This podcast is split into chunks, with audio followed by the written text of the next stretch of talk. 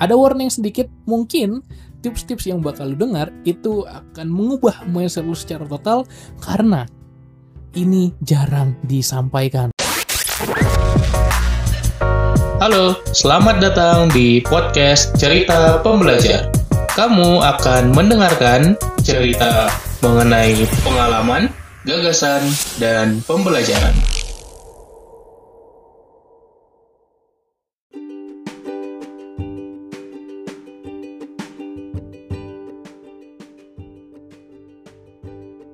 Halo, apa kabar sobat pembelajar? Di mana pun lo berada, kembali lagi di podcast Cerita Pembelajar Season 6 Quick Insights.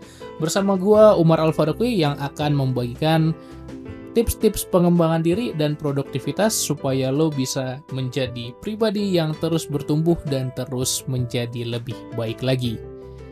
Di episode kali ini gue bakal bahas 6 tips menjadi mahasiswa yang super produktif. Nggak cuma produktif, kita mau jadi super produktif. Karena sudah banyak yang produktif sebetulnya ya, tapi kita mau meningkatkan lagi, mau membuat produktivitas kita berkali-kali lipat.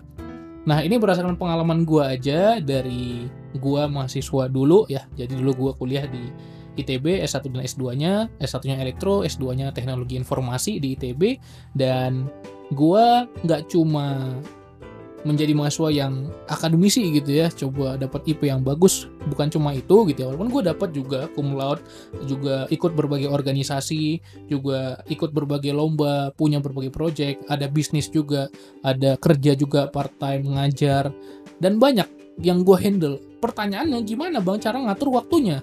Itu yang selalu gue terima di setiap webinar training workshop tentang produktivitas gimana Bang Umar cara ngatur waktunya kalau ada banyak fokus seperti itu kan susah ya gitu. Apakah Bang Umar tidak punya teman sehingga tidak perlu nongkrong? Ya enggak juga lah. Kan pasti kita punya teman, punya geng juga. Apakah Bang Umar tidak pernah main-main? Enggak juga gitu ya. Gue juga seneng main game. Gue juga seneng nonton dulu.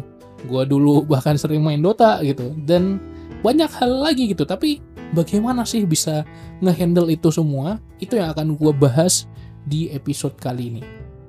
Ada warning sedikit, mungkin tips-tips yang bakal lu dengar itu akan mengubah mindset lu secara total karena ini jarang disampaikan teman-teman. Gua nggak akan kasih tips-tips yang dalam tanda kutip basi gitu ya. Wah, lu harus coba mengatur waktu atau lu harus rajin belajar jangan cuma di kelas tapi di rumah juga diulang-ulangi materinya. Ya elah itu tips-tips yang pasti lu udah tahu juga, bener gak? Itu tips-tips yang lu pasti udah tahu gue yakin. Nah gue bakal bikin tips-tips yang spesial buat lo pendengar cerita pembelajar dan ini gue sudah melakukan semuanya. So kalau lo mau terapkan langsung terapkan habis ini karena kalau lo tidak terapkan akhirnya hanya jadi pengetahuan dan tidak ada gunanya. Yang pertama langsung kita mulai. Tips pertama adalah tahu value diri kita. Ya self value kita apa?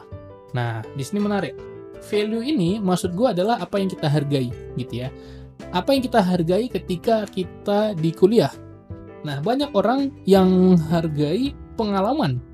Banyak orang yang menghargai sosial atau jaringan kita jejaring kita di kuliah.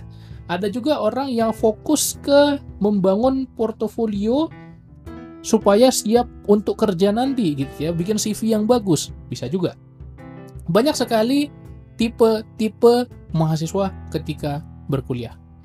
Sayangnya, banyak orang coba ikut-ikutan atau tidak tahu mana yang difokuskan sehingga orang-orang banyak kehilangan jalan, apalagi udah di semester-semester akhir.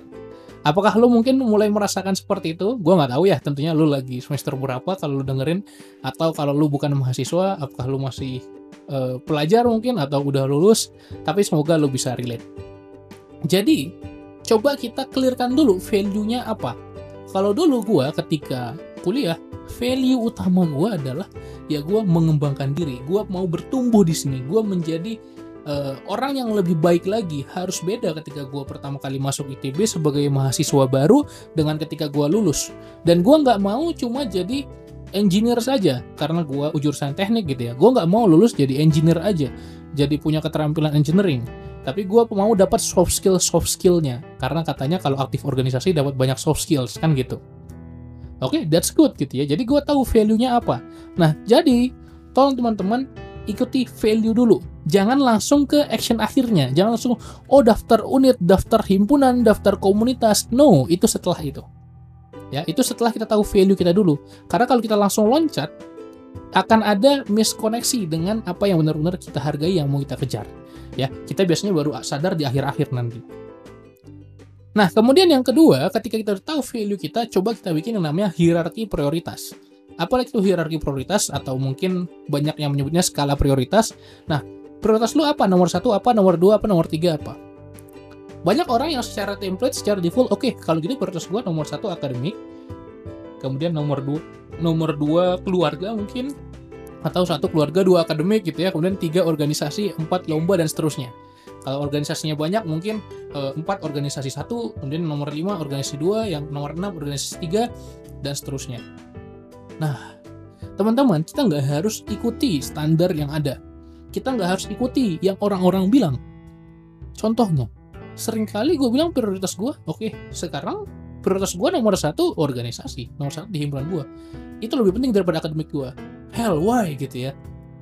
Ketika gue mencoba lagi aktif-aktifnya di organisasi pada waktu itu di himpunan mahasiswa, gue mencoba setotalitas itu teman-teman ya setotalitas itu se bener-bener 100% gitu ya kalau bisa berkontribusi di sana itu yang pingin gue lakukan dulu. Kenapa? Ya karena gue pingin bertumbuh gue pingin berkembang. Nah itu kuncinya. Kuncinya adalah kita tahu prioritas kita seperti apa. Dan prioritas itu sebenarnya bukan satu hal yang statis gitu ya. Bukan hal yang gitu-gitu aja. Bisa berubah bisa dinamis bisa fleksibel. Ya ketika zaman zaman ujian pasti berubah. Prioritas nomor satu gue jadi akademik. Benar gak tapi ketika nggak lagi pik-piknya akademik, ya udah, gue ubah lagi. Nah, banyak yang nggak tahu bahwa, oke, okay, kalau prioritas sudah diterapkan, kita jalankan terus. No, kita boleh mengubah prioritas kita over time, ya. Berganti waktu, berganti masa, kita ganti lagi prioritas kita. Ya, jadi kita harus tahu prinsip yang namanya hierarki prioritas. Kemudian yang ketiga adalah kita harus bisa memahami sistem. Nah, gimana sih memahami sistem? Ini cara gue, hacks yang benar-benar gue gunakan ketika kuliah dulu. Jadi gue tahu kuliah-kuliah mana aja yang gue sebenarnya bisa absennya beberapa kali gitu ya. Jadi gue tahu yang mana nih yang bisa gue cabut atau gue masuk di tengah atau gue uh, maksudnya di akhir gitu ya. Yang penting ngisi absen. Itu yang gue lakukan dulu. Kalau ini tidak sesuai dengan value teman-teman, jangan diikuti ya, jangan diikuti. Oke, jadi gue adalah anak yang bandel sebenarnya teman-teman gitu ya sering uh, cabut kelas gitu ya atau uh, ke kelas gitu kan nggak bawa tas gitu ya ke kelas nggak bawa tas uh, tasnya gue taruh di sekretariat himpunan terus gue masuk uh, ikuti kelasnya mungkin lima menit gitu ya ada ketika isi absen terus gue keluar gitu ya. Ya pilihan teman-teman semua itu pilihan. Karena gue merasa ada yang lebih gue prioritaskan daripada itu. Gue sering cabut kelas kuliah buat ngajar misalnya. Ya gue merasa itu lebih berharga gue berbagi ilmu bermanfaat gue juga seneng ngajar dan gue juga dibayar. Gue juga sering juga cabut satu kelas untuk mengerjakan tugas kelas yang lain atau cabut kelas untuk mengerjakan uh, agenda-agenda di himpunan gue itu yang gue lebih prioritaskan. That's no problem. Ya no problem tergantung apa hierarki prioritas gue tadi. Maka tadi pertama apa? Value dulu. Kemudian yang kedua hierarki prioritas. Baru yang ketiga pahami sistem. Jadi yang mana yang bisa kita twist gitu. Yang mana dosen yang baik, yang mana dosen yang kurang gitu ya. Paham lah teman-teman maksud gue seperti apa. Yang mana yang teman-teman bisa, oke okay, kerjaan kerjaan tugas nggak usah serius-serius amat karena nggak terlalu pengaruh ke nilai. Kalau misalnya teman-teman tidak terlalu memvalue uh, ilmu yang teman-teman pelajari gitu. Jadi kita jangan pukul rata. Ada kelas yang gue pingin banget dapat ilmunya di kelas ini. Ada kelas yang gue nggak terlalu minat ya udah yang penting nilai gue bagus aja ilmu ya udah nomor sekian. Jadi gue tahu oh ya udah di kelas yang ini gue nggak harus kerjain tugas serajin itu yang penting nilai gue bagus di ujian. Nah caranya gimana? Caranya gue tahu sistemnya. Sistemnya oh pembobotan nilainya lebih besar pembobotan nilai ujian. Ya udah gue fokus ke ujian aja kalau gitu. Atau kalau bobot nilainya lebih besar di bobot tugas ya udah gue fokus ke tugas. Hal seperti itu teman-teman jadi gue adalah orang yang tidak mengerjakan semua tugas. No, gue mengerjakan tugas yang menurut gue penting, yang menurut gue relevan, yang menurut gue bobotnya lebih tinggi, itu gue coba kerjakan. Ada juga tugas yang gue kerjakan dengan serius, ada juga tugas yang gue kerjakan dengan sekedarnya. Jadi gue mengoptimasi segala hal kegiatan yang ada supaya gue bisa berperformanya sebaik mungkin gitu ya. Agenda organisasi juga, kalau ada yang bisa gue delegasikan, ya udah, oke okay, bantuin gue ya. Misalnya gue kan jadi kepala departemen pada waktu itu ya. Menko Menko PSDM gue waktu itu ya udah eh, di bawah gue ada menteri-menteri atau anggota-anggota gue ya udah lu aja yang datang ya ke forum ini. Jadi karena gue memahami sistemnya nggak perlu gue datang bisa delegasi. Atau yang ini gue perlu datang. Nah dengan cara seperti itu gue bisa lebih mudah manage waktu gue jadi memahami sistem lanjut ke yang keempat adalah eksplorasi diri. Kalau kita udah bisa paham sistem coba kita luaskan lagi. Gue coba menjadi seorang yang generalis dan spesialis sekali secara bersamaan gitu ya. Jadi gue coba terus menyebar jala mencoba mengeksplor banyak hal makanya itu yang bikin gue bisa punya pengalaman yang gue rasa cukup lah. Gue puas kuliah asli gue puas kuliah. Apakah gue menjadi mahasiswa yang paling baik? No bukan. Apakah gue yang IP-nya tertinggi seangkatan? Tidak juga.